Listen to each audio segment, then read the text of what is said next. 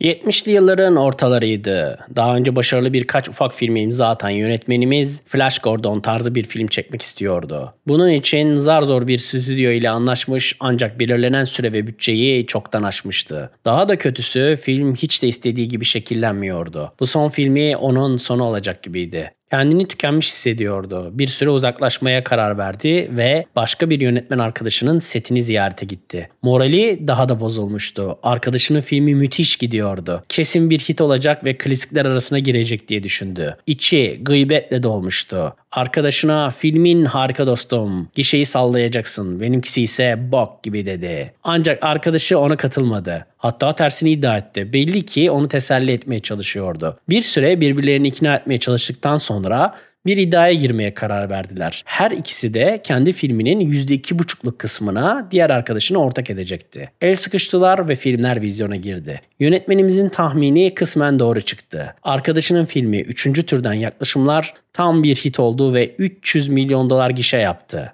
Ancak 15 milyondan fazla yapmaz dediği kendi filmi Star Wars 775 milyon dolar ile tüm zamanların gişe rekorunu kırmıştı. 6 Oscar aldı ve kültürel bir fenomene dönüştü. George Lucas bu iddiayı kaybetti. Ancak sinema tarihinin en büyük fenomenini yarattı. O açıdan kendisine pek koymadı. Bu iddia sayesinde Star Wars'un %2,5'una sahip olan arkadaşı Steven Spielberg yıllar içinde yattığı yerden 40 milyon dolardan fazla para kazandı. Günümüzde Star Wars'un yarattığı ekonominin büyüklüğü 70 milyar dolar civarı olarak tahmin ediliyor.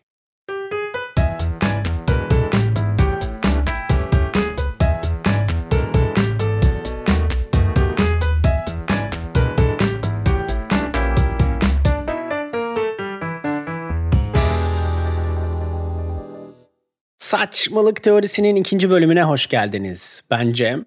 Sizin için internet çöplüğünün en ücra köşelerini gezip karşılaştığım birbirinden saçma olayları burada konu yapıyorum. Bu deneysel bir podcast girişimi benim için. Biraz bu mecrayı keşfetme dürtüsüyle karşınızdayım. Ancak çok eğlendiğimi söyleyebilirim. Can sıkıcı ülke gündeminden kısa süreli bir kaçış için her salı buralardayım, beklerim. İlk bölümde gördüm ki bu karşıda kimse olmadan sanki birileri varmış gibi boşluğa konuşma hali oldukça şizofren bir durummuş. Böyle konuşup konuşup kendi konuştuklarıma kendim gülmem o kadar saçma ki deliriyor muyum acaba diye kullanıyorum. Çünkü iki türlü deli var. Biri bildiğimiz kafaya huni takmış deli gibi deli. Bir de tatlı tatlı delirenler var. İşte onları fark etmesi çok zor. Normal insan gibi aramızda dolaşıyorlar ama delirmişler. Hatta o kadar güzel delirmişler ki bazen insan özeniyor bunlara. Mesela geçen gün başıma bir şey geldi. Bir mekanda yemek yerken birkaç masa ileride bir kadın dikkatimi çekti. Kadın kendini kaptırmış bir şekilde bir şeyler anlatıyor. Ancak karşısında kimse yok. Herhalde bluetooth kulaklıktan falan konuşuyor dedim.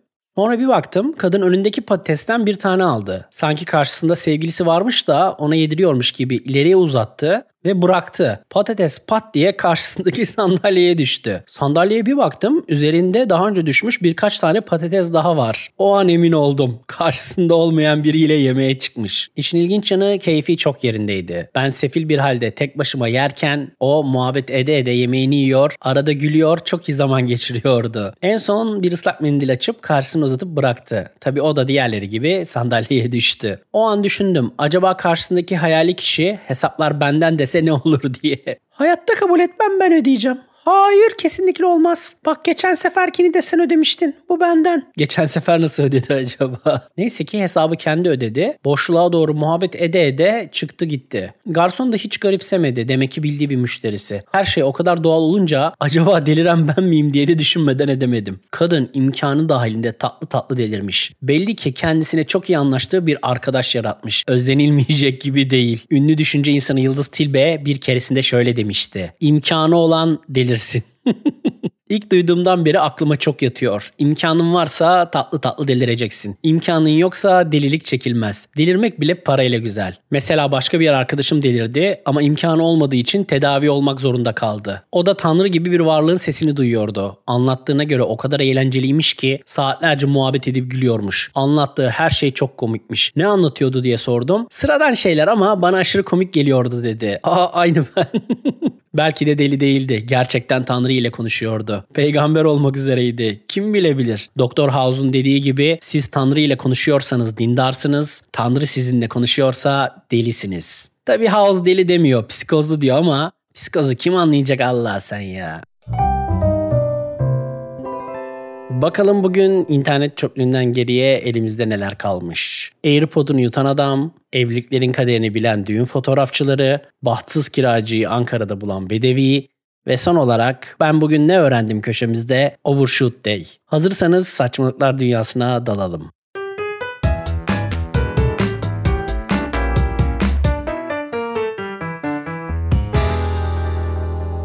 Tayvanlı Ben Husu pek çoğumuz gibi uyurken müzik dinlemeyi sevenlerden. Ancak son uyanışında AirPod'larından yani kablosuz kulaklıklarından birini bulamıyor. Dediğine göre battaniyenin altına yatağın kenarına yere bakıyor, her yeri arıyor ama yok. Telefonu ise kulaklığın yakında olduğunu gösteriyor. Müzik çaldığı zaman sesleri duyuyor ancak kulaklığın yerini bir türlü tespit edemiyor. Bir süre sonra sesin kendisinden geldiğini fark ediyor. Kendisinden derken karnından. Evet Ben Husu nasıl başarmışsa uyurken AirPod'u yutmuş. Çok saçma biliyorum. Benim de aklım almadı ama 8 milyar insan içerisinde bu mallığı yapan biri olması normaldir herhalde. İşte matematik böyle bir şey. Sayılar büyüdükçe en imkansız şeyler bile gerçekleşebilir ihtimallere dönüşüyor. Doktor Bene kulaklığın doğal yollardan dışarı çıkacağını söylüyor. Doğal yolu sen anladın. Birkaç gün sonra doktorların dediği oluyor ve AirPod dışarı çıkıyor. Doğal yollardan. Ben diyor ki AirPod'lar magical yani büyülü. Çünkü çıktığında AirPod'un şarjı hala %41'miş etmiş. Zaten haber manşeti de şöyle. Adam AirPod'u yuttu, dışarı çıktığında hala şarjı %41'di. Gazeteciler bu hikayenin en ilgi çekici yanının bu olduğunu düşünmüşler herhalde. Bense doktorun söylediği birkaç güne doğal yollardan dışarı çıkar kısmına takıldım. O birkaç günde ne oldu? Nasıl takip etti bu işi Ben Husu? 2-3 gün boyunca taşa sıçıp bokunu çubukla mı kurcaladı? Evet, gazete kağıdını yere seriyoruz. Tamam, şimdi bıraktık. Mutfaktan aldığım çatal yanımda.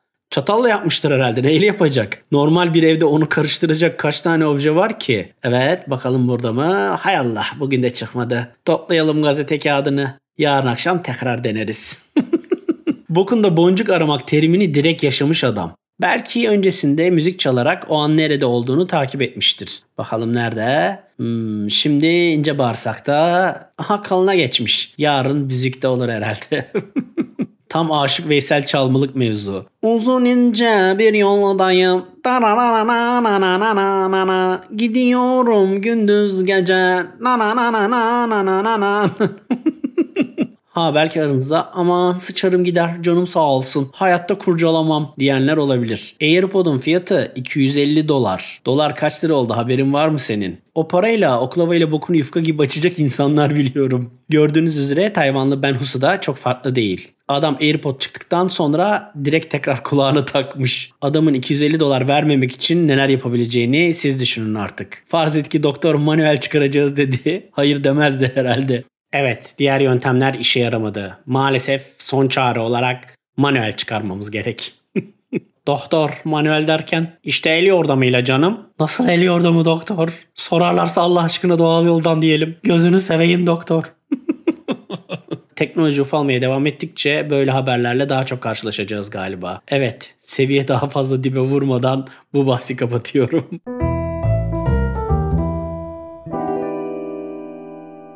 Düğün fotoğrafçıları evliliğin boşanmayla sona erip ermeyeceğini önceden biliyorlarmış. Reddit'te bir kullanıcı fotoğrafçılara bu konuda bir altıncı hisleri olup olmadığını, varsa nelerin etkili olduğunu sormuş. Belli ki fotoğrafçılar bu konuda oldukça birikim sahibilermiş. Başlığa yorum yağmış. Tabi bunlar bizim düğün salonlarında siz farkında olmadan beyninizde flash patlatıp patates gibi çıktığınız fotoyu size 20 liraya kitlemeye çalışan fotoğrafçılar gibi değil. Ciddi prodüksiyon yapıyorlar. Aslında son zamanlarda bize de başladı. Insta'da, Face'te falan görüyoruz görüyorsunuzdur. Fotoğrafçıların dediklerine göre düğünde gelin ve damat dans ederken seçilen şarkı o evliliğin geleceğine yönelik önemli göstergelerden biriymiş. Eğer seçilen şarkı popüler bir hit ise o evlilik çok uzun sürmüyormuş. Daha az bilinen özel bir şarkıysa o evlilik daha uzun ömürlü oluyormuş. Mesela Mustafa Çeçeli çaldın, yandı o evlilik. Uzun sürsün istiyorsan Killa Hakan çalacaksın. Direkt evlilik cüzdanına beton dökecek. Sıkıyorsa o evlilik bitsin. Eğer evlendikten sonra fotoğraflara çok Photoshop talebi gelirse o evlilikte uzun ömürlü olmuyormuş. Bununla ilgili çok acayip örnekler var. Mesela gelinin gülmeyen damadı tüm fotoğraflarda Photoshop'la gülümsettiği vakalar oluyormuş. Bizdeki versiyonu şöyle olurdu herhalde. Evet damadı biraz uzatalım.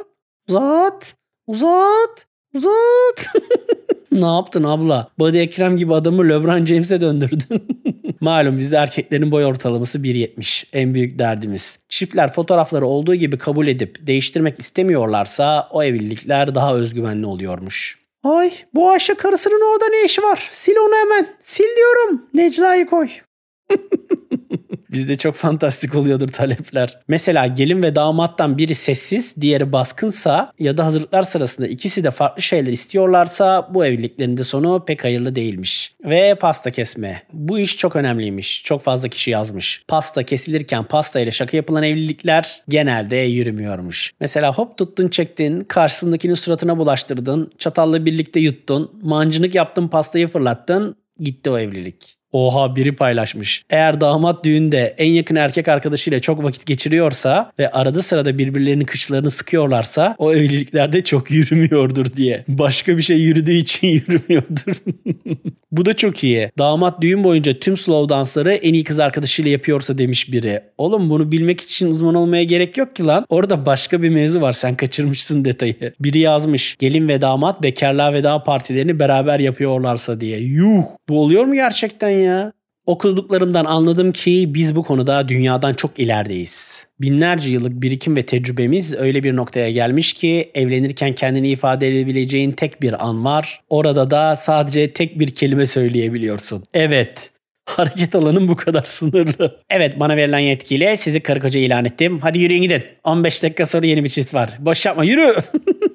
Bu kadar. Sonra kapı önüne çıkıp dikiliyorsun. Altına takılıp gidiliyor. Hop bitti gitti. Batı'da bakıyorsun. Damat bir konuşma yapıyor. Baş Nedim'e bir konuşma yapıyor. Kızın babası ayrı bir konuşma yapıyor. Şimdi orada çıkıp senin dayı oğlu Çetin'in seninle ilgili bir konuşma yapmasına izin verseler kim bilir neler anlatacak. Bunlar kesin geçmişte yaşanmış. Bakmışlar sonuçları iyi olmuyor. Sistemi öyle bir dizayn edelim ki bireysel hareketlilik alanı sıfır olsun demişler. Aynı şey düğün salonları için de geçerli. Bu kadar farklı kafa yapısına ve kültüre sahip insanı aynı ortamda toplamak imkansız. Ancak söz konusu düğün olunca herkes o salona doluşuyor. Köyden Topal Remzi dayı bir masada, her gün Nanfet kafeinsiz latteni paylaştığın iş arkadaşların bir yanda, bekar evinde beraber kaldığın en rezil sırlarını bilen ama yıllardır görüşmediğin kankan başka bir masada, dayıların bir diğer tarafta. Hepsinin ağzında masanın altına doğru giden birer pipet. Bu gruplar arasındaki en ufak geçişkenlik sosyal patlamaya neden olabilir. Evreni bükecek güçte bir etki tepki doğabilir. Bunları birbiriyle etkileşmeden aynı ortamda tutabilecek tek bir güç var. 1000 wattlık MDF kasılı tam teşkil düğün hoparlörü.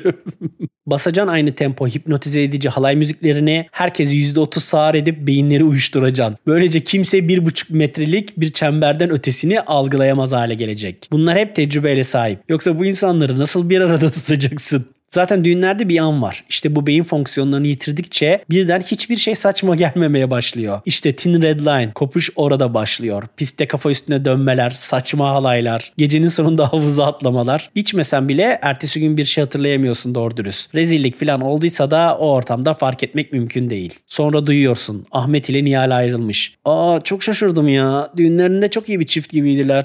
Ne güzel dans etmiştik. İşte bunlar hep 1000 wattlık MDF kasalı düğün hoparlörüne 3 saat maruz kalmanın saçmalamaları. Donanım Haber forumlarında bir mağduriyet hikayesi. Krev 066 isimli arkadaşımız 8 ay önce kiracı olarak taşındığı eve ciddi masraf yapmış. Ancak bir süre sonra evi satılmış ve ev sahibi değişmiş. Aslında buraya kadar çok enteresan bir durum yok. Yeni ev sahibinin bir Arap olması dışında. Adamın oturduğu daireyi bir Arap Türkiye vatandaşlığı almak için satın almış. Düşünsene evinde oturup televizyonunu izliyorsun. Keyfin yerinde. O sırada havaalanında bir broşür gören bir Arap senin evinin satın alıp kapıda beliriyor. Tüm tadını kaçırıyor. Vel hasıl vel hebele 250 bin dolar es Türkiye vatandaş ya habibi. Böyle bir şeyler diyor. Hemen cepten iki külçe altın bozdurup senin evini çat diye alıyor. Yemek sepetinden iki lahmacun sipariş verir gibi. Aa bir bakıyorsun çölden yeni ev sahibin gelmiş. Bu arada evi alan Arap da bayağı şahsiyetliymiş. Evi alırken kiracıya merak etme sen oturmaya devam edebilirsin demiş. Ancak evi aldıktan sonra çık evimden diye atarlanmış. Araplar yine sırtımızdan vurdu. Bu kaçıncı olacak?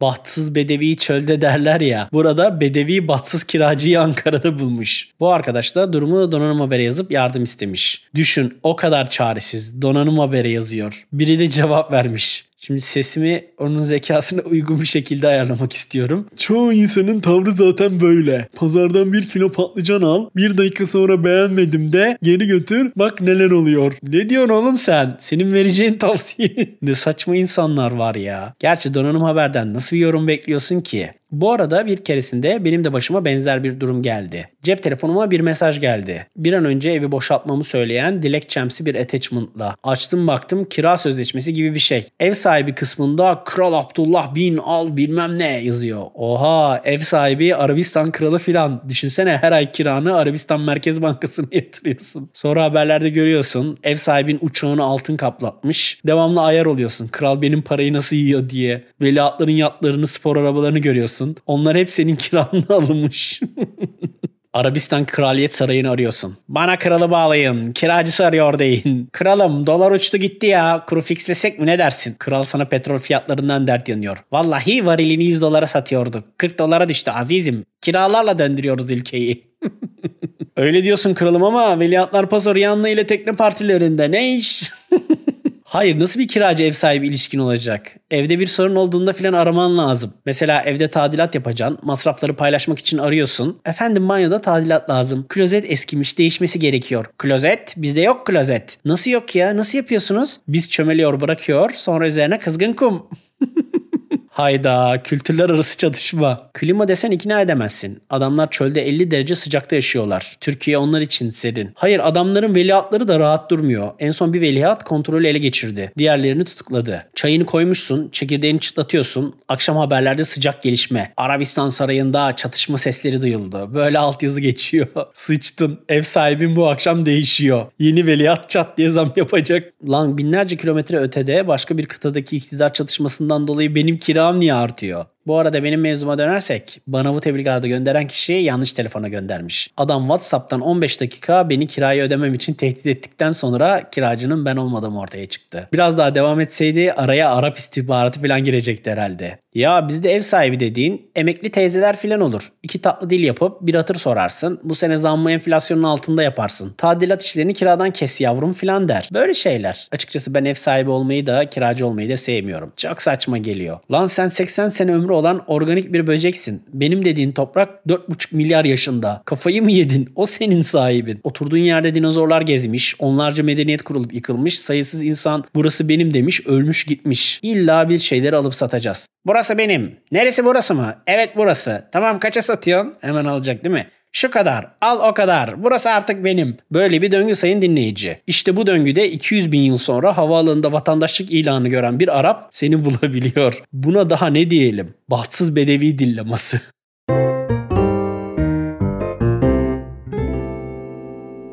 İleride 20 dakikamı yedin geri ver diye yakama yapışmamanız için her bölümü faydalı bir bilgiyle bitirme eğilimindeyim. Geçtiğimiz cumartesi günü overshoot günüydü. Türkçe'ye çevirirsek aşırma günü doğru bir tanım olabilir. Overshoot Day her yıl dünyanın kaynaklarını yenileyebileceği sınırı aştığımız güne deniliyor. Yani 22 Ağustos'ta dünyanın bir yılda yenileyebileceği kaynakları tükettik şeklinde algılayabilirsiniz. Kirlettiğimiz sular, yok ettiğimiz ormanlar, oluşturduğumuz atıklar, atmosferde neden olduğumuz kirlilik kirlenme gibi pek çok konu bunun içerisinde. Normalde belli sınırı aşmaz isek dünya bu zararları kendini yenileyerek ortadan kaldırabiliyor. Ancak biz şu an dünyanın kendini yenileyebildiğinden daha hızlı bir şekilde tüketiyoruz. 70'lerde Overshoot Day Aralık ayına denk gelirken 80'lerde Kasım'a, 2000'lerde Eylül'e kadar gelmişti. 2019 yılında 29 Temmuz'a gerilemişti. Yani pandemi dünyaya bir ay kazandırdı. Şu an itibariyle cepten yiyoruz. Dünya bu kaynakları yerine koyamayacak.